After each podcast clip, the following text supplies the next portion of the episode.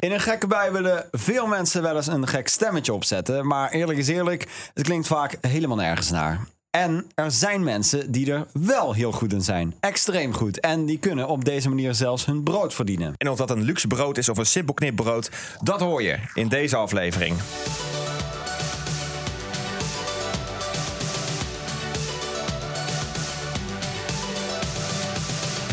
Dit is de Baanbrekende Podcast. De podcast die jou uitlegt hoe het eraan toe gaat op de werkvloer. Deze aflevering gaat over. De stemacteur. Stemacteur, hè? De stemacteur. Wij zijn duidelijk niet goed, want we lullen, lullen door elkaar heen. Maar er zijn mensen die er dus extreem goed in zijn. Maar je hebt verschil, voor mij verschillende soorten stemacteurs, heb je Robin. Eh, je hebt mensen die voor mij de Telcel-reclames inspreken. Eh, van die foute films. Uh, voice-over, zeg maar, wat je in Duitsland hebt. Dat, dat is een stemacteur, denk ik Zo'n voor me. dubbel eh, laag dan hebt. Ja, precies. Dat is na synchronisatie. Juist. Ja, maar goed. Ja, en, en je hebt nog allemaal dingen. eh, het radiocommercial inspreken. eh, eh, Bijvoorbeeld inderdaad, of mensen inderdaad de tekenfilmfiguurtjes die die eh, eh, napraten. Maar het lijkt zo makkelijk. Het lijkt me dat iedereen het kan, toch? Ja, maar als ik zo, zo lage stem opzet, dan weet ik wat. Dan denk ja, ik vind het niet bij mezelf klinken. Maar ik denk wel van. Dat is toch precies wat zij ook doen, dat soort mensen. Met dat beroep.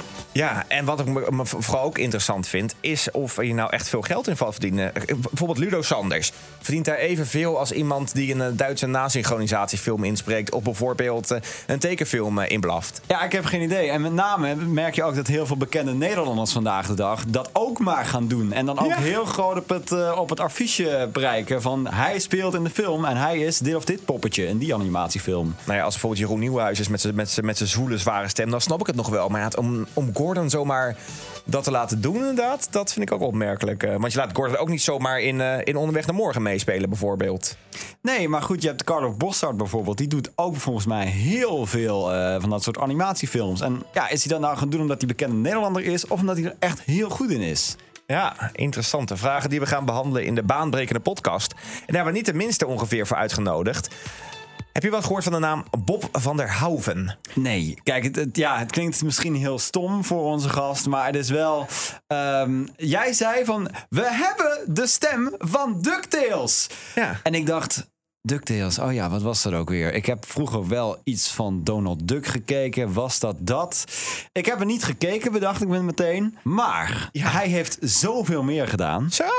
Zullen we anders, voordat we überhaupt, voordat Bob eh, zijn prachtige stem laat horen, zullen we eerst maar eens even wat van zijn oeuvre laten horen? Dat vind ik misschien wel, wel spannend. Ik, ik heb een paar fragmentjes van, eh, van Bob gekregen, een soort digitaal cv. Luister even goed wat eh, Bob allemaal gedaan heeft. Wie bent u? Dobby, meneer. Dobby, de huiself. We moeten op onderzoek uitgaan. Dan vinden we misschien een antwoord. Mooi, maar wat zijn dan de vragen? Hoe hoger we klimmen, hoe magnifieker het uitzicht op het meer, de stad Lugano in de verte en de achterliggende Alpen. Dit is mijn familie. Ik heb ze zelf gevonden. Er was niet één zender die de actie ooit wou zenden, dus bouwde ik dit. De Stoorventilator. Hiermee onderbreek ik alle andere tv-programma's. Allemaal. Bob. Allemaal Bob. Jezus, Bob, welkom allereerst even. Maar, eh, Dankjewel. het, het is toch bizar hoeveel stemmen jij in de loop der jaren allemaal hebt gedaan. In Eh, allemaal ja, series. dat, en... dat zijn er heel wat geweest. Dat zijn er heel wat geweest. Waar ben je nou zelf het meest trots op, op- van alle stemmen? Om maar meteen met een makkelijke vraag te beginnen. Ja, dat wordt vaker gevraagd. Hè. Wat was nou de allerleukste? Of, ehm, er zijn meerdere ervaringen geweest die eh, voor mij echt geweldig geweest zijn. Want je moet je voorstellen dat eh, de rollen van Kwik en Kwak in DuckTales... eh, in de oorspronkelijke DuckTales-serie... dat was, waren mijn allereerste tekenfilmrollen.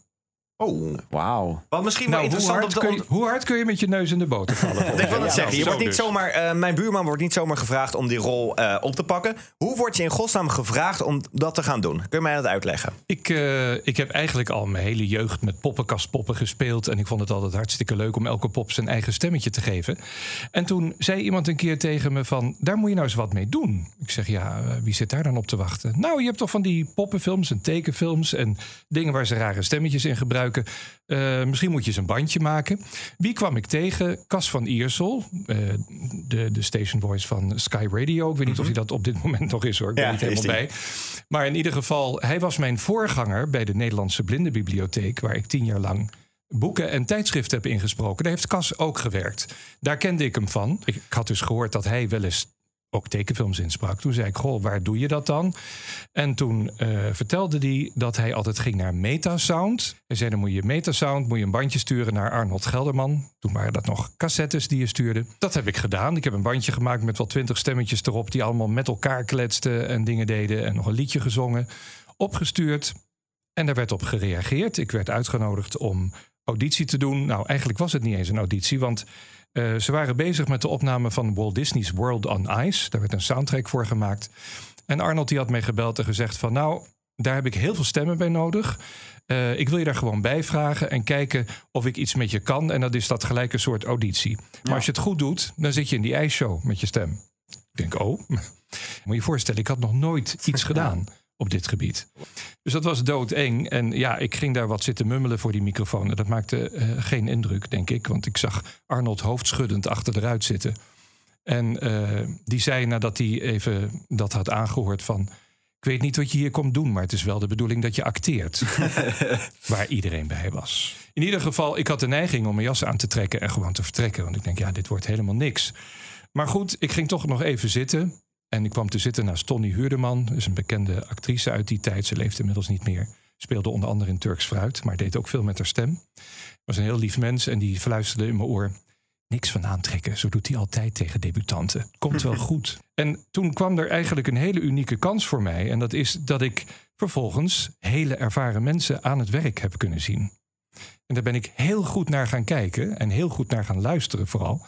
En wat me vooral opviel was dat die mensen allemaal zo ja, zich zo gigantisch aan het aanstellen waren. Hè?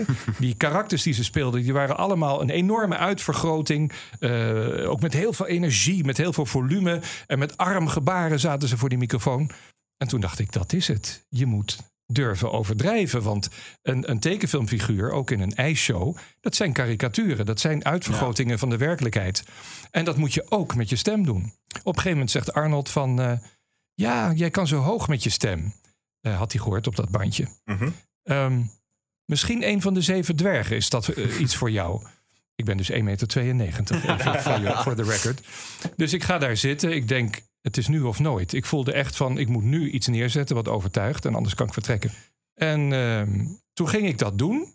En toen zag ik hem al een beetje opveren achter de ruit. En toen zei hij, dat stemmetje is goed. Nou nog acteren, Bob. Dus toen ging ik nog meer mijn best doen, nog meer gas geven. En ook lekker veel energie. En toen zei hij, eh, eh, ja, dit, dit wordt hem wel. Nou, lang verhaal kort. Aan het einde van eh, die dag zat ik met drie rollen in de ijsshow. Wauw. En dat was dus eigenlijk een auditie. Maar ik heb mezelf daarna in de Ahoy-hal door die mega grote speakers mogen horen. En dat was wel even kicken. Snap en ik. ja, drie weken later ging de telefoon, weer Arnold Gelderman aan de telefoon. Pop, jij kan zo hoog met je stem. Nou hebben we hier een nieuwe serie, die heet DuckTales. En ja, daar zitten ook de drie neefjes in van Donald Duck, Kwik, Ja. En Kwak. Hij zegt, eh, je hebt zo'n hoog stemmetje op dat bandje. Als je dat nou wat meer zou kunnen laten kwaken, zou het wel eens precies goed kunnen zijn. Ik ga die auditie doen. Ik had het origineel nog helemaal niet gehoord hè, van DuckTales. Geen idee hoe dat De- was. Zeg maar om uit te leggen voor mensen die niet helemaal in de, in de, in de, eh, in de voice-over wereld zitten. Je hoort eerst een Amerikaanse of een Engelse variant. En dan moet jij dan vervolgens het Nederlandse opmaken. Ja, DuckTales is een Amerikaanse serie, zoals de meeste tekenfilms. Je hebt natuurlijk ook Japanse en Franse, maar eh, ja, het meeste komt uit Amerika. En als je gaat nasynchroniseren, dan krijg je het origineel op de koptelefoon als een guide track. Oké. Eh, dus dan hoor je hoe dat gedaan wordt. En ja, dat neem je dan over. Nogmaals, ik had de stemmen van Rusty Taylor, zo heette die actrice die in Amerika Kwik, Kwek en Kwak deed. Had ik nog nooit gehoord en ik hoorde dat. Ik dacht, nou, dat kan ik niet. Ik doe gewoon mijn eigen ding. Ik doe iets totaal anders. Dus ik deed wat ik deed. En ik zag Arnold Gelderman onder de tafel zakken van het lachen. Die, die vond het helemaal geweldig. En die zei, eh, ik stop met zoeken, je hebt de rol. Hoe klinkt dat? Hoe klinkt dat? Het klinkt misschien een beetje. Het is misschien een harde vraag. En eh, doe, eens, doe eens leuk. Maar doe eens leuk en doe eens kwik en kwak na. Alle wat leuk hier een podcast van Mark Berg en Robin. Wauw. Het is echt een. Het is inderdaad precies. Hé, hey, goochelaar, doe even een trucje. Maar dit is. Ja, Ze moesten van ver Oh. komen, maar ze zitten er nog. is, is dat echt zo? Want Ja, hoe lang geleden is. Over hoe lang De geleden laatste praten we opname was in eh? 1991. Jeetje. Mijn geboortejaar. Jouw geboorte. Nou, eh, ik Toen was was ik klaar met DuckTales. Wauw, wauw. Maar jij, deed zat nog in je vaders verrekijker, Robin. Ja, ik denk het wel, ja. Jij was toch vloeibaar, inderdaad. maar misschien, eh, dit was niet in Ame- Amerika. In Amerika hadden ze een hele andere kwak. Die praten iets hoger. Dit heb jij zelf bedacht. Ik kom uit jouw koker. Nee, het was niet per se hoger. Eh, het was anders. Het was een schor stemmetje. Het was een actrice. En ja, ik ben eigenlijk zelfs, de enige acteur die een localization, zoals de Amerikanen dat noemen, van DuckTales de, de neefjes heeft ingesproken. Want in alle landen waren het actrices, voor zover ik weet. En hoe reageerde Amerika erop? Eh, in het begin ehm, met eh, moeite, want toen waren er mensen in Amerika die ervan overtuigd waren dat het gepitcht was. Echt waar? Die geloofden niet dat het door een levend mens op die manier werd gedaan. Pitchen is even voor de duidelijkheid de stem omhoog halen. Omhoog en, eh, halen. ja. En toen hebben ze iemand gestuurd uit Amerika. Die is tijdens de opname naast me komen zitten. Om te checken of ik niet met heliumballonnen zat te knoeien of zoiets. Maar waarom, En, mocht eh, dat dan, waarom mocht dat niet van Disney? Als het goed klinkt, klinkt het goed, toch? Eh, ja, nou ja, ze, ze, ze, ze hadden iets van er wordt getruckeerd. Ze, ze, en eh, dat mocht niet. Ze wilden alleen maar echte stemmen die niet getruckeerd waren. En die Amerikaan die zat naast me, die vond het alleen maar hartstikke leuk. Die gaf me dikke complimenten en die ging weer weg. Vervolgens jarenlang doorgegaan met die serie in te spreken. En toen kwam eh, drie jaar later DuckTales The Movie. En eh, toen kreeg ik bericht dat ze hadden laten weten uit Amerika... dat de hele cast van eh, DuckTales de serie mocht die film doen, behalve ik. Oh. Want men had van hoge hand besloten dat eh, het werd overal door actrices gedaan en dat moest in Nederland ook. Dus ze moesten de neefjes gaan recasten.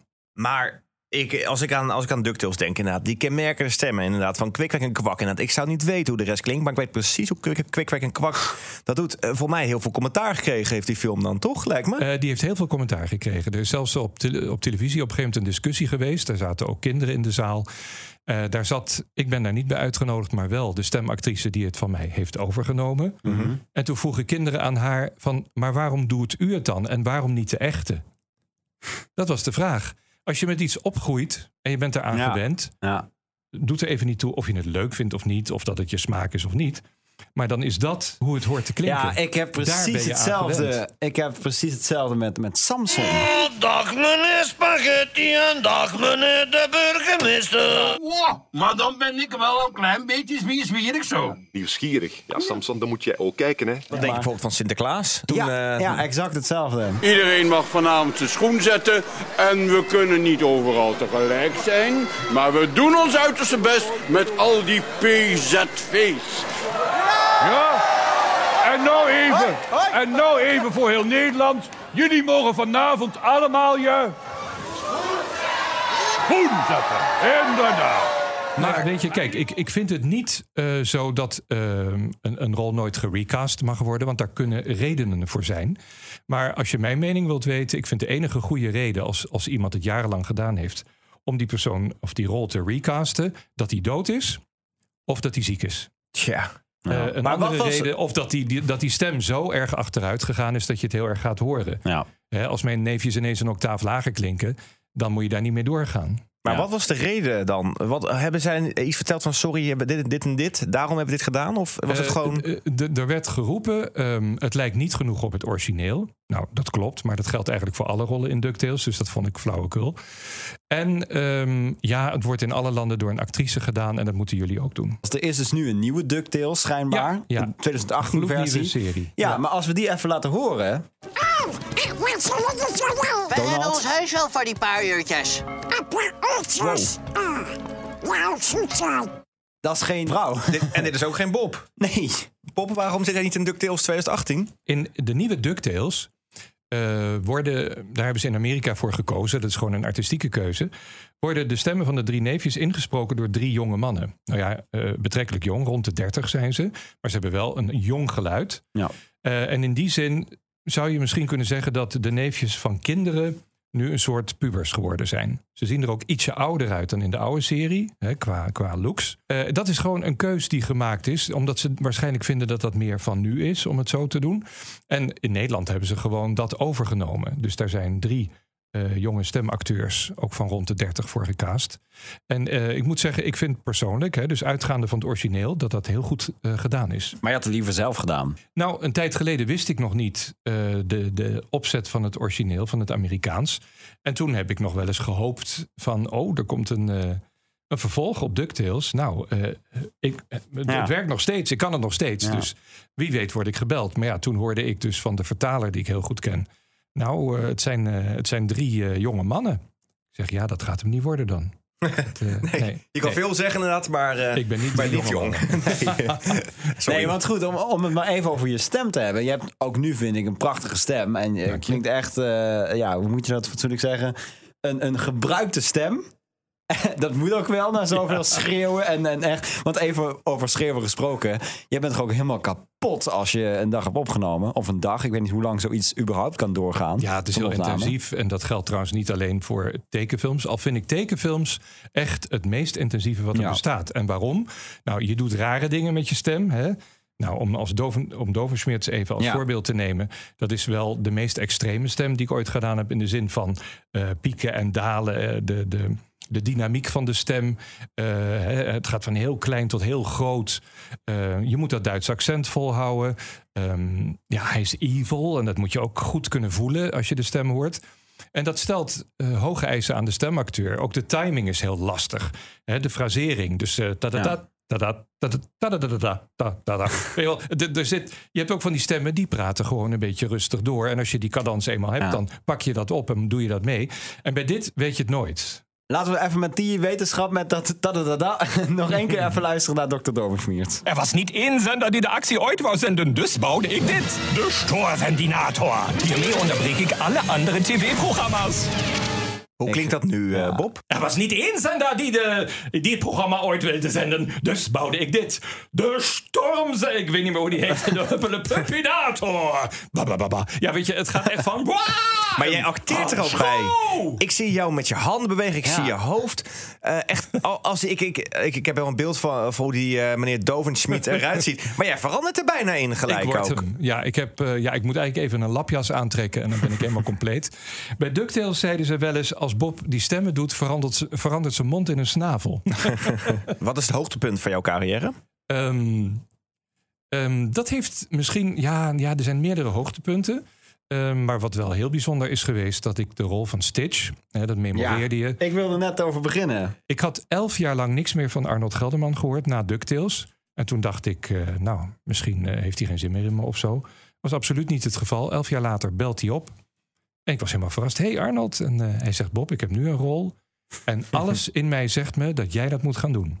Kom maar eens luisteren. Het is een Amerikaanse bioscoopfilm. eh, Een lange tekenfilm van Disney. En ik hoor dus, ik ga naar die studio. En ik hoor die stem van Stitch. Het is de enige keer in mijn hele loopbaan dat ik heb gezegd... het lijkt wel of ik dat heb ingesproken. Ik hoorde die stem. Ik dacht, het is iemand met mijn stem die dat heeft gedaan. This is my family. I found it all on my own. Eh, ja, dat is heel wonderlijk eh, gegaan. Maar uiteindelijk heb ik die film in vier talen ingesproken. En, we- en welke heb je ze ingesproken? Nou, eh, ik had het Nederlands achter de rug. En Arnold, die was in die tijd ook een soort van ja, eh, hoofd van de Europese nasynchronisaties. Dus hij moest langs de studio's gaan om daar zeg maar een soort kwaliteitscheck te doen van de, de werkzaamheden. En hij komt in Berlijn en hij hoort dat er inmiddels 32 Duitse acteurs waren afgewezen voor de rol van Stitch. Want ze vonden, ja, Disney vond het gewoon niet, niet lijken. Toen heeft hij mij gebeld en toen zei hij: Bob, mij staat bij dat jij iets met Duitsland te maken hebt. Ik zeg: Ja, ik ben er geboren. En getogen, gedeeltelijk. Oh, echt waar? Ja. Oh, wat grappig. de eerste acht jaar van mijn leven woonde ik in Duitsland. Dat is ook een heel verhaal. En toen vroeg eh, Arnold van... denk je dat je die rol in het Duits kunt doen? Ik zeg, ja, makkelijk. Ik spreek niet elke dag Duits, maar eh, hij zegt ook helemaal niet zoveel in de originele taal. Want er is heel veel geluidjes en heel veel alien taal en onzingebrabbel. Ohana heißt Familie. Familie heißt, dass alle zusammenhalten. zusammenhalten. En terwijl ik in Berlijn zat, werd ik gebeld uit Brussel. Ja, we hebben gehoord dat u eh, de Duitse versie hebt Ik gedaan. denk, ik ga de vraag Stitch. niet stellen, maar er is dus een Vlaamse Stitch ook. Jazeker wel, zeker en vast. En nou hadden we gedacht, eh, zou u het ook in het Vlaams kunnen? Dit is mijn familie. Ik heb ze zelf gevonden. Ze is klein en gebroken. Nadat ik hem dus ook in Brussel had gedaan, dacht ik, dit smaakt naar meer. En toen heb ik heel brutaal zelf het hoofdkantoor van Disney gebeld. Ik wist wie de baas was. Die ging over die eh, diverse versies. En toen zei ik, goh, niet om het een of ander... maar ik heb gemerkt dat het een rol is die moeilijk in te vullen is. Ik spreek ook Italiaans, dus misschien is het een idee... Mochten jullie daar een probleem hebben? Ja, we hebben een Italiaanse acteur op het oog, maar eh, goed om te weten, want het is wel een moeilijke rol. Een week later gaat de telefoon, word ik uit Rome gebeld door de directeur van de studio. Of ik misschien eh, zou willen komen. Wauw. Questa è mia famiglia. L'ho trovata per conto mio. En toen zei ik voor de grap. eh, ja, dat is goed, maar ik verwacht wel dat ik door een limousine met chauffeur word afgehaald. ja, maar vanzelfsprekend. Dat was dus gewoon een grap. En ik kom daar aan en ja hoor, er stond een limousine. En een man in een uniform met een petje op en een bordje met mijn naam erop. Maar dat vind ik wel een interessant aspect ook. Jij zegt dan, ik maak de grap, ik wil opgehaald worden door een limousine. Er staat een willekeurige acteur, vraag Jeroen Spitsenbergen, Chantal Jansen. Eh, het is een eis. Zijn stemacteurs misschien nederiger dan eh, echte acteurs? Hmm, nou, wat eh, jullie er net in de inleiding al noemden, is het verschijnsel dat ook bekende Nederlanders worden ingezet voor eh, tekenfilmrollen. Ehm, en ja, vroeger waren de bekende Nederlanders in de regel ook bekende acteurs. Dus daar zat ook een soort logica in dat die mensen dan ook eens een stemrol deden als ze daar geschikt voor waren, want niet alle acteurs zijn daarvoor geschikt. Eh, maar goed, ze weten wel wat acteren is. Dus dat is natuurlijk een enorme voorsprong. Maar ja, nu komt het ook voor dat er in een film, in een tekenfilm, een kok voorkomt. En dat ze dan een bekende kok gaan vragen om dat in te spreken. En ja, dat is natuurlijk gewoon heel ver gezocht. Ja. Je gaat ook een slager geen brood la- laten bakken, toch? Lijkt me. Nee. Maar, eh, maar toch. Ja, sorry dat ik je onderbreek. Maar ik denk wel van... Wat is de reden van degene die dat beslist... om dan toch eh, zo'n bekende Nederlanders dat te doen? Het is allemaal marketing. Dat, is, eh, dat zijn commerciële overwegingen. Want ehm, kijk, eh, op een gegeven moment hoorde ik dat een bekende voetballer, ik zal zijn naam niet noemen, ook gevraagd was om een rolletje te doen. En toen ik dat hoorde, toen zei ik, nou jongens, weet je wat, zet mij dan in het veld. Dan krijg je Ja. ongeveer dezelfde resultaten, namelijk helemaal niks. Het gaat even om het principe dat ehm, de filmmaatschappij, eh, bijvoorbeeld Disney of een andere, die zegt op een gegeven moment van ja, we willen wat bekende namen hebben in de hoop dat de film dan meer aandacht krijgt. Dat er over gepraat wordt in Boulevard, dat er over gepraat wordt in shownieuws. Want ik mag dan nu bijna 40 jaar voor de microfoon zitten. De gemiddelde persoon op straat die jij vraagt wie is Bob van der Hoven, die zegt oh, geen idee. Ik zei het net ook. Ja. Ja. goed, maar voor eh, jou is ja. het toch als een bekende Nederlander eh, een rol voor je overneemt. Voor jou is het broodroof. Jij, jij kan niet je factuur sturen, eh, bijvoorbeeld, omdat iemand anders je rol heeft overgenomen. Die ontwikkeling, daar word jij niet vrolijk van, lijkt Nou, mij. het- Ja, het is, maar het is ook een marketingoverweging. En weet je, ehm, ik heb samen met Joop van der Beuken, eh, die is trouwens ook stemacteur en vertaler van de nieuwe Disney-serie. Dat is wel even leuk om te melden. Een hele goede vriend van mij. Ik heb samen met Joop en natuurlijk met een heel creatief team een documentaire gemaakt over de wereld van de Nederlandse nasynchronisatie. En die heet Sync. Die is eind 2016 eh, in première gegaan. En nou, die haalt hopelijk nog een keer eh, het scherm. En nou, die is op allerlei plekken al vertoond. Ehm, in die film zie je ook Carlo Boshart. Want wij wilden een bekende Nederlander interviewen over dit onderwerp. En ik vond de bijdrage van Carlo bijzonder goed. Omdat hij heel genuanceerd vertelde over hoe dat werkt met die bekende Nederlanders.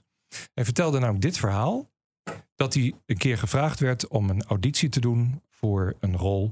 En hij zat erbij toen zijn voorganger, dus een andere auditant, die rol ook deed. Nou, die auditant was een heel ervaren stemacteur. Carlo was toen nog niet zo ervaren, is die inmiddels wel trouwens.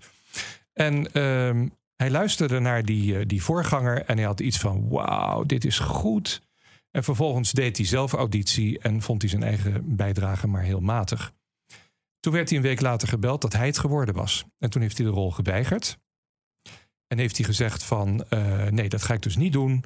Want eh, ik heb gezien hoe die andere man het deed en die was veel beter dan ik. Dus ik doe het niet. Vervolgens een week later hoort hij van anderen dat eh, het een andere bekende Nederlander geworden Nee. Want ze wilden per se een bekend iemand op die rol hebben. Dat was gewoon marketingstrategie. Dus dat zijn wel overwogen keuzes. Dus marketing gaat gewoon boven een goede film afleveren. Dat is best heftig als je erover nadenkt. Ehm, dat geldt alleen wat je nu zegt, als de bekende Nederlander het niet waar kan maken. Nou noem ik Carlo Boshart. Eh, Carlo Boshart is niet alleen een bekende Nederlander, maar ook een steengoeie stemacteur. Misschien even goed om even naar hem te luisteren, inderdaad. tuurlijk. Eh, Ja, hij is bijvoorbeeld ook eh, de stem van Olaf. Dat is de sneeuwpop uit Frozen. Oh, ik weet niet waarom, maar heel mijn leven droom ik al van zomer en de zon en lekker warm. Nou ja, dat is gewoon meesterlijk, toch? Ja, het klinkt wel goed. En, en dat, ik vind het, dat is ook wel echt de kunst, vind ik, van eh, stemacteur zijn. Ik kwam er echt heel laat achter dat dit Carlo Bossard is. Ja. En dat is ook de, Ja, echt de Carlo is een hele goede acteur en ook een hele goede stemacteur. Dus Ja. het is eigenlijk een multitalent. Ja, dat vraag ik me ook wel af inderdaad. Jij bent stemacteur. Jij kan gewoon een Albert Heijn inlopen. Iets wat een Car- Carlo Bossart niet, niet kan. Vind jij dat je genoeg eer voor je werk krijgt? Ja hoor. En waarom? Eh, niet op de manier die, die Carlo meemaakt. Want die kan natuurlijk nauwelijks over straat. Of die wordt aangesproken en handtekeningen enzovoort.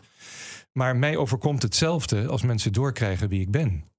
Dat is wel heel apart. Hoe Maar- maak je er dan ook misbruik van? Want zeg je dan ook van, ja, maar ik ben de stem van DuckTales. Nou, je kan het ook best goed ja, trouwens. dankjewel. Nee, maar nee, stel je moet een reservering maken in een restaurant. Ja, hallo met... de- Oh, ik kan het echt heel goed, hè? Nee. hallo met, eh met, eh met eh, kwik, of kwak. Ja, ik denk dat de persoon aan de andere kant dan alleen maar denkt dat je rijp voor het gesticht bent. Dat denk ik ook, ja. Dat lijkt mij. Ik heb wel meegemaakt eh, dat ik met mijn gewone stem bel naar een restaurant. Ik zeg, ja, ik wil graag morgenavond eh, een tafel voor drie. Bent u die man die altijd op tv over treinen praat? Want daar hebben we het nog niet eens eens over gehad. was, eh, fan van. Dat is inderdaad... eh, hoe Daar dan- word ik vaker van herkend, omdat ik gewoonlijk niet kwakend door Ja. het leven ga. Maar met mijn eigen stem praat. En ja, dan, dan gebeuren wel dit soort dingen. Kijk je naar al jouw werk? Kijk je elke aflevering van, van Railway bijvoorbeeld terug? Of elke film? Ehm, ik, ik doe steekproeven. En dat is ook omdat ik eh, eh, zeker wil weten dat het goed gemixt is. Eh, nou gebeurt dat meestal heel goed, want we hebben een hele goede technicus. En ook de technici uit het verleden waren allemaal heel erg goed. Maar er gaat nog wel eens wat mis bij het uitzenden. Als daar één knop verkeerd staat, komt het nog wel eens voor dat eh, mijn stem helemaal wegzakt in het treingeraas. Vroeger had ik nog het nummer van de eindregie. En dan belde ik wel eens zelf van... jongens, die knoppen staan verkeerd. Doe er wat aan. Maar ja, ik, ik werk niet meer daar. Dat was in de tijd dat ik omroeper was bij Nederland 3. Maar eh, ja, dan stuur ik wel even een appje naar de producer... die wel wat directere lijnen heeft. En dan, ja, meestal is het dan voor die uitzending al niet meer te redden... maar dan hopelijk voor de uitzendingen die de dagen daarna komen. Want tegenwoordig wordt het programma heel vaak... gewoon weken achter elkaar elke avond uitgezonden. Dat is nu en overdag ook wel eens. Ja, Vind jij je baan leuk? Ja, is het een baan? Ehm, nou, denk het wel, toch? Ja, eh, wat zo leuk is van dit vak. Misschien is dat een betere vraag of ik mijn vak leuk vind. Oké. Ja, ja, sorry, niet als correctie bedoeld. Nee, dat begrijp ik. Het is een onwijs afwisselend vak. En ik hou heel erg van afwisseling. Ik, eh, komend jaar eh, zit ik 40 jaar beroepsmatig voor de microfoon. Het is belachelijk Zo. om hardop te zeggen.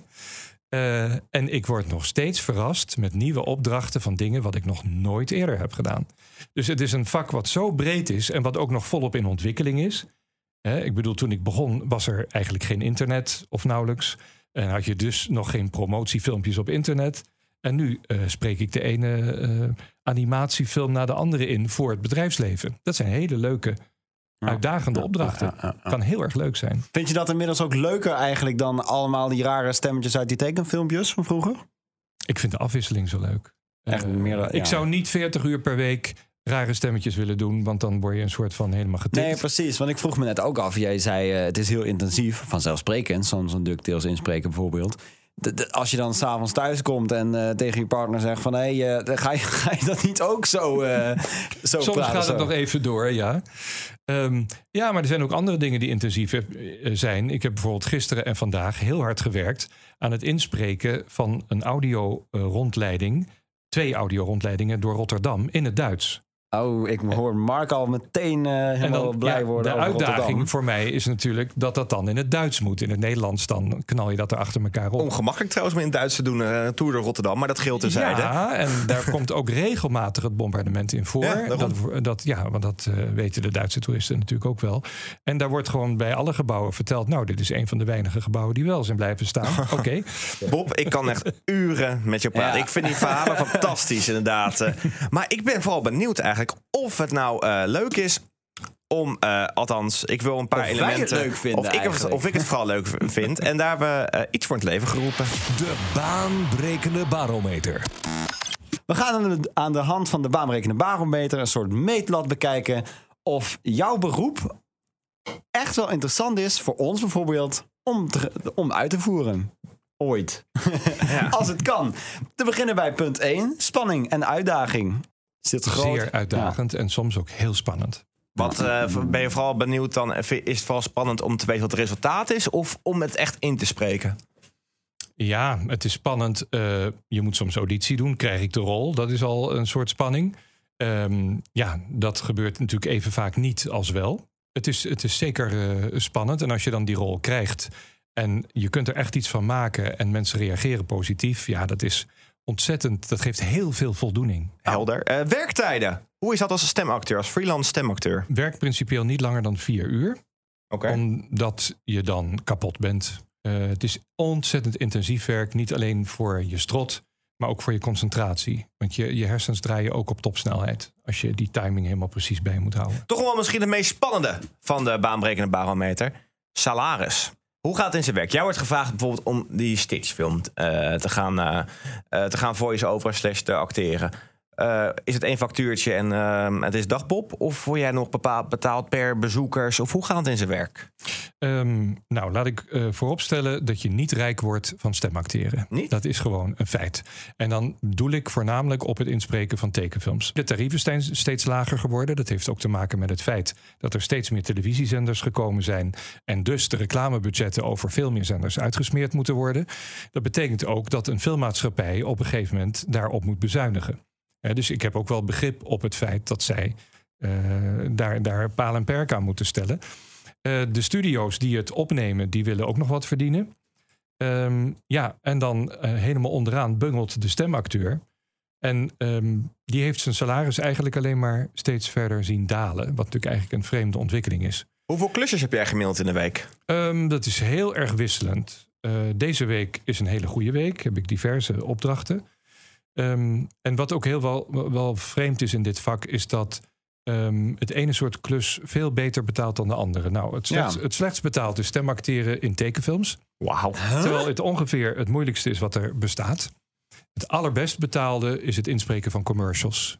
En dan bij voorkeur voor televisie, want dan betaalt het nog beter. Eh, bioscoop natuurlijk. Maar ook radiocommercials. Nou, dat, eh, dat is snel verdiend, moet ik zeggen. Maar het heeft ook met rechten te maken, toch ook? Als jij als zanger bent en je wordt gebruikt in een film, dan moet je daarvoor betaald worden. Jouw stem is ook in films eh, te horen. Wat nou als die film bijvoorbeeld nog een keer op tv komt? Ontvang je daar dan ook geld voor? Nou ja, ik geloof dat alle afleveringen van Railway, ehm, en dat zijn er nu bijna 200, waarvan ik er 187 ingesproken heb, die zijn gemiddeld geloof ik allemaal zes keer uitgezonden. Maar dat is nooit betaald. Ik heb alleen maar betaald gekregen voor de uren dat ik het heb ingesproken. En dat is een keurig honorarium, daar gaat het niet om.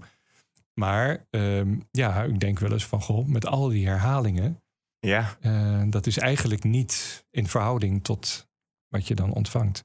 Maar ja, weet je, ik weet ook dat omroepen in de loop van de jaren alleen maar steeds meer zijn gaan bezuinigen. En dan heb ik het vooral over de publieke omroepen. En ja, dan ben ik niet degene die vooraan gaat staan van ja, het mag wel eens een keer omhoog, dat, eh, dat salaris. Het kan wel zo zijn dat, ondanks dat het salaris super laag is, dat de secundaire arbeidsvoorwaarden, om even een volgend punt op de baanbrekende barometer erbij te pakken, dat die wel fantastisch zijn. Krijg je bijvoorbeeld eh, eh, iedere Disney-film die eruit komt, mag je daar gratis naartoe?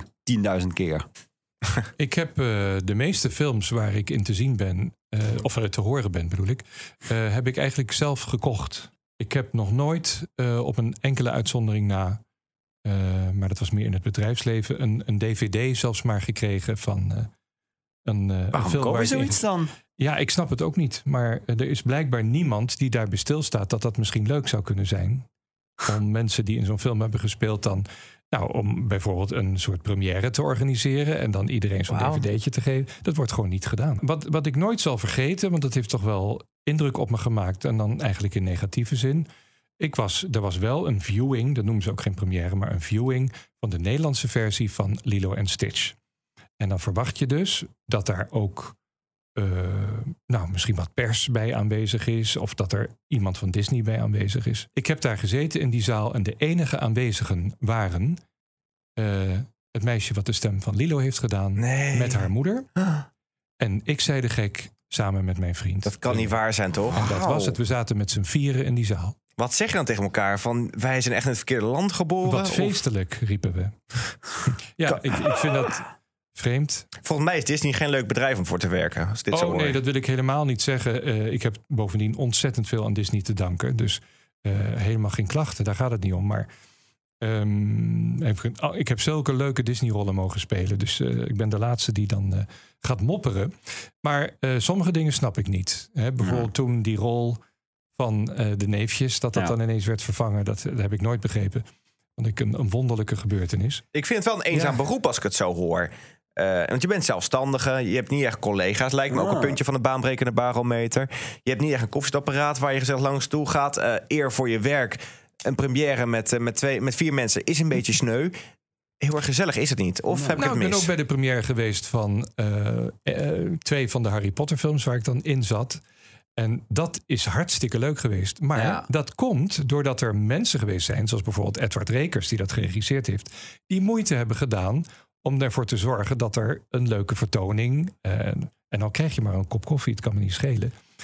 Om nog even op mijn film terug te komen, Sink, hè, die documentaire. Mhm. Toen wij de acteurspremière hadden, ik zeg acteurspremière omdat we 50 acteurs, eh, regisseurs en studiobazen en noem maar op hebben geïnterviewd. Toen heb ik eh, een bioscoopje, een bioscoop, in Bussum afgehuurd. Ik heb ervoor gezorgd dat er leuke meisjes met dienbladen, met bubbeldrankjes bij de deur stonden. Rode loper uit als de mensen binnenkwamen. En iedereen heeft na afloop van de vertoning nog wat te drinken gekregen. En een klein hapje. En een dvd van de film. Netjes, zoals het hoort lijkt me Ja. toch? En dat heb ik gewoon zelf betaald. Nee, precies. Maar jij En dan denk al ik, ja, en ik ben een keutelaartje, een, een piepklein bedrijfje. En dan denk ik, waarom kan dan zo'n mega groot bedrijf niet aandacht besteden aan dat soort dingen? Dat vind ik, dat vind ik dan moeilijk, omdat er niemand is die zich er verantwoordelijk voor voelt, denk ik. Nee, ja, dat kan. Maar je noemt net bijvoorbeeld de Harry Potter film en de Rode Loper in je eigen eh, première dan. Als er een, een Harry Potter film in première gaat, er ligt inderdaad wel een Rode Loper. Ga, je, eh, ga of moet jij er dan overheen? Of ben je iemand die dan eh, achter de, de fotografen langs moet om... eh, want ja, wie is hij, zou je bijna kunnen zeggen. Kijk, als Carlo Bossart naar die première gaat, als hij mee zou doen... dan moet hij over de Rode Loper. Iedereen kent Carlo Bossart. Maar ja, nogmaals, kijk, die jou- rode loper bij een, een première van een tekenfilm, de Nederlandse versie, daar moet je niet zoiets bij voorstellen als grote filmpremières. Hè. Dat, waar de fotografen allemaal staan, dat, eh, dat gaat zo niet. Dat is allemaal wat kleinschaliger. Maar ik hou wel van een feestje. en ik vind het leuk om mijn collega's, want dat zijn de gelegenheden waarbij je collega's ziet. En die zie je ook wel in de studio's trouwens hoor. Maar dat is dan bij de lunchpauze. En dan ga je even allemaal wat eten. En dan zit je met, met z'n allen om de tafel. En dan hoor je de verhalen van... oh, waar ben jij mee bezig? Waar ben jij mee bezig? Maar inderdaad, in de studio is het een eenzaam beroep. Want je zit eh, op zijn best met een regisseur en een technicus. En als het een goedkope productie is... dan hebben ze ook geen geld meer over voor een regisseur. Dus dan zit je alleen met een technicus. Heb jij vrienden uit het vak? Eh, oh, dat is een goeie zeg. Eh, ja. Daar Eh, moet je een- heel een- lang een- over nadenken. Nou, eh, ja, ik, ik heb nooit zo de neiging gehad om mijn huis te vullen met BN'ers. Dat, nee, maar eh, oké, maar je hebt ook eh, collega-mensen die niet zo heel erg bekend zijn, maar waar je die wel vaak tegenkomen en denken: oh ja, ik ga daar een biertje mee drinken buiten werktijd. Nou, een van mijn beste vrienden, die is eigenlijk ook stemacteur en vooral vertaler. Mhm. Joop van der Beuken, met wie ik ook die film Sink heb gemaakt. En hij is nu de vertaler van de nieuwe DuckTales-serie. Hey. En heeft mij dus gevraagd bij de première, die niet eh, overigens door de filmmaatschappij is georganiseerd, maar door de Donald Duck. Oh, Leuk. Het- het- het blad. In The View, door het blad, is dat georganiseerd. Er waren wel mensen van Disney bij hoor, die eh, dat wel. Ehm, maar ja, wat mij toen opviel, er werden dus twee afleveringen van, eh, van de nieuwe DuckTales vertoond voor het publiek, voor zeg maar de, de lezers van de Donald Duck. Maar er waren geen acteurs aanwezig die hun stem hadden gegeven aan de serie. Niemand is op het idee gekomen om die uit te nodigen daarvoor. Dat kan niet waar zijn, hè? Dat jij er wel oud bent, nu Ik- precies. Ja, omdat ik door Joop gevraagd ben. Die was gevraagd omdat hij de vertaler is. En hij heeft mij als gast gevraagd. Een kille wereld. Maar ik, Ja. ik, ik ging daar rondkijken en ik dacht, goh, want ik wist wie sommige rollen deden. En ik hoorde ook achteraf dat er acteurs waren die in de serie zitten, die toch een beetje op hun neus keken van waarom ben ik daar niet bij gevraagd? Dat was toch een soort première. Maar ja, het was van de Donald Duck. Het was niet van Disney. Nee, ja, maar toch, Dus dan krijg je ja. weer. Ja. Ja. Maar toch denk ik bij dat Oh, soort dingen oh. altijd. Is er nou niemand die nadenkt of zo? Ja, ik vind het dus wonderlijk, dit soort dingen. Kritisch puntje dus. eh. Ja. Nee, maar ook wel terecht. Heel goed, zeker terecht, ja. Ja, Kom op, wat niks afdoet aan het feit dat de Donald Duck die dag heel erg goed georganiseerd had. Dat Zeker, maar dat hoeven- zij niet te doen. Enig. Nee. Maar dan denk ik, het is toch ook leuk om dan zoiets te doen. Er nog een paar van die acteurs erbij te vragen. Vraag de hoofdrollen erbij. Hm, Oké. Ja, de, de baanbrekende barometer gaat van links naar rechts, van boven naar onder. Ja, precies. Eh, Ja, we gaan even op. een compleet ander eh, onderwerp bespreken. Dat, ja, ik heb geen idee of dat betrekkelijk is bij jouw beroep. Maar is het gevaarlijk? Gevaarlijk? ja, Nou. en, en eh, kun je, kun je een studio op je kop krijgen? Of wat realistischer gezien misschien. Heb je ehm, het risico dat jouw stem er dusdanig aan toe gaat... dat je ja, ook echt misschien maandenlang werkloos thuis zit dan? Eh, mensen vragen wel eens, heb je je stem verzekerd? Nou, dat schijnt wel te kunnen, maar dat kost dan zoveel geld, dat verdien ik nooit terug. Dus dat lijkt me vrij zinloos. En ik heb altijd gedacht van, kijk, een stem die kan natuurlijk slechter worden of achteruit gaan of eh, niet meer bruikbaar zijn voor dat vak. Maar dan dacht ik, nou, dan kan ik wel weer andere dingen. Dan ga ik eh, eh, produceren of ik ga regisseren of eh, weet ik veel. Kijk, bij wijze van spreken, als ik mijn benen breek en ik zit in een rolstoel, dan kan Ja. ik nog steeds radioprogramma's presenteren of, Ja. of dingen inspreken, want dat kun je ook. En, eh, maar ja, eh, als je je stem kwijt zou raken, ja, dan moet je weer wat anders verzinnen. Dan eh, heb ik misschien nog wel genoeg geluid over om mensen te coachen. En als ik dat ook niet heb, dan ga ik een boek schrijven. Precies, met al jouw verhalen inderdaad. eh uit al die jaren. Kan Ja. dat prima. Is er een voice-over slash stemacteurschool? Eh, vroeger bestond er helemaal niets op dat gebied. Ehm, ja, behalve dat mensen natuurlijk wel eens toneelschool hadden of eh andersoortige theateropleidingen. Eh, tegenwoordig zijn er, ehm, kun je cursussen volgen bij stemacteren.nl bijvoorbeeld. Of bij Studio Oranjeoord. En zo zijn er meer ja, plekken waar mensen les kunnen krijgen van ervaren stemacteurs en voice-overs. Ik geef zelf ook wel eens workshops, Ja. masterclasses. Wordt wel eens gevraagd voor een lezing en dat soort dingen. Oké, nou, studietoegankelijkheid is een vinkje. Laatste vraag van de baanbrekende barometer, eh, Robin. Ja, altijd toch wel de belangrijkste. Eh, want hoe is het met de koffie? Met name thuis dan. Ja, in mijn keuken staat een Nespresso-apparaat. Of course. Eh, Wat else, hè? in de Ja. studio staat ook een koffieapparaat. Ja, ik ben wel een koffieleut, ja. Dat moet ik wel een paar keer per dag. Ik begin de dag met koffie, want anders wordt het helemaal niks. En wordt het werk wel beter als je veel koffie hebt gedronken? Want ik heb ook wel verhalen gehoord. Als zanger bijvoorbeeld schijn je heel slecht te worden van heel veel bier. Ja, je moet oppassen dat eh, je mond niet gaat plakken. Want dan krijg je van die smekjes. Die kan je er wel weer uitmonteren en zo. Maar ja, ik moet zeggen, ik heb me nooit zo goed aan de regels gehouden. Want bijvoorbeeld, je mocht geen melk drinken. Nou, vroeger had ik standaard altijd een glas melk bij mijn lunch. Tegenwoordig niet meer. Maar vroeger altijd, ook bij de radio. Dat ging gewoon altijd door. En nou, dan neem je een slok water en is het weg. Robin, als jij nu eh, deze verhalen plus de baanbrekende barometer hebt gehoord van Bob, zie jij jezelf ooit als ehm stemacteur slash voice-over? Ik vind het zo lastig.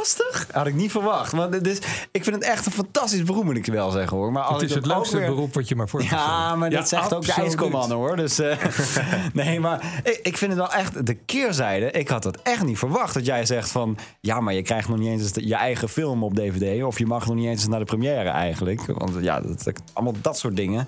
Houd toch op man. Je bouwt toch samen iets op. En je gaat toch samen dan ook naar de eindstreep, denk ik. Ja. Dus ja, als ik het een cijfer zou moeten geven, is het... Ja, ik, ik zat de hele tijd te denken van... Het wordt een dikke 8. Maar ik denk toch uiteindelijk een, een zeventje. Een 7 min misschien.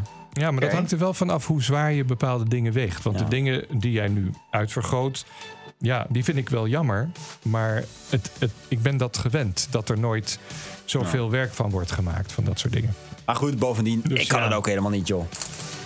Ja, Je hebt dat vast is het weer ook. andere talenten, Robin. Nou, Stemacteurs ondervragen bijvoorbeeld. Precies. Oh. maar Mark, voor jou? Ik vind, hem, la- ik vind hem ook lastig. Ik had het zeker niet verwacht. Ook, ook wel een klein beetje shocking eigenlijk. Zeker voor eh, g- grote bedrijven. Dat ze zo omgaan met toch wel hun talenten. Het is een ding wat voor mensen met talent. Net, net zoals met de voetballer inderdaad. Je moet er wel echt wel wat voor kunnen. I- Niet iedereen eh, heeft het in zich. Het lijkt me wel vet. Je hoort jezelf terug. Je krijgt best wel veel eer voor je werk. Mensen vinden het eh, tof wat je doet. Het heeft wel een stukje aanzien ook. Eh, ik, ik geef het een 7. Prima, leuk beroep. Ah. Het is het anders je wat vertellen op een verjaardag. Ook al wil je dat eh, eh, niet, niet altijd. Maar ik vind het wel een mooi vak en je hoort het dus niet alledaags. Pop van der Absoluut Hoven, stemacteur. Voice-over. Dankjewel voor je komst naar de studio. You're welcome. Ja, en dit was ook de baanberekende podcast voor nu.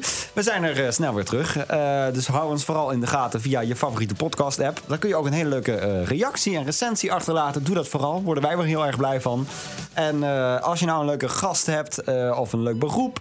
Laat het ook heel graag weten. Baanberekenendepodcast.gmail.com Eh Dus als je een denkt van... hey, ik heb een hele leuke oom die... eh, Ja, die is, die, waarvan Ja. je denkt, die heeft een mooi verhaal. Die kan niet vertellen over zijn werk. Laat het dan vooral even weten. en het kan echt het, het meest eh, simpele beroep zijn. Daar worden we heel blij van. Ja, maar het mag, Baanberekende het mag ook gewoon een gigolo zijn bijvoorbeeld. Het mag ook extreem zijn. En Dat het willen we kan ook hebben. Het kan anoniem. Ja. En het kan je gewoon mailen naar eh, baanbrekendepodcast.gmail.com. Ja. Ja, we gaan ook eh, de duistere beroepen in hoor. Dat eh belooft veel eh, spannende dingen voor de toekomst. Dus ja, dank nogmaals Bob voor je komst. Echt fantastisch, fantastische verhalen. En jij bedankt voor het luisteren naar de Baanberekende podcast. We zijn snel weer terug, dus doe vooral duimpjes omhoog. En tot de volgende keer. Bye bye.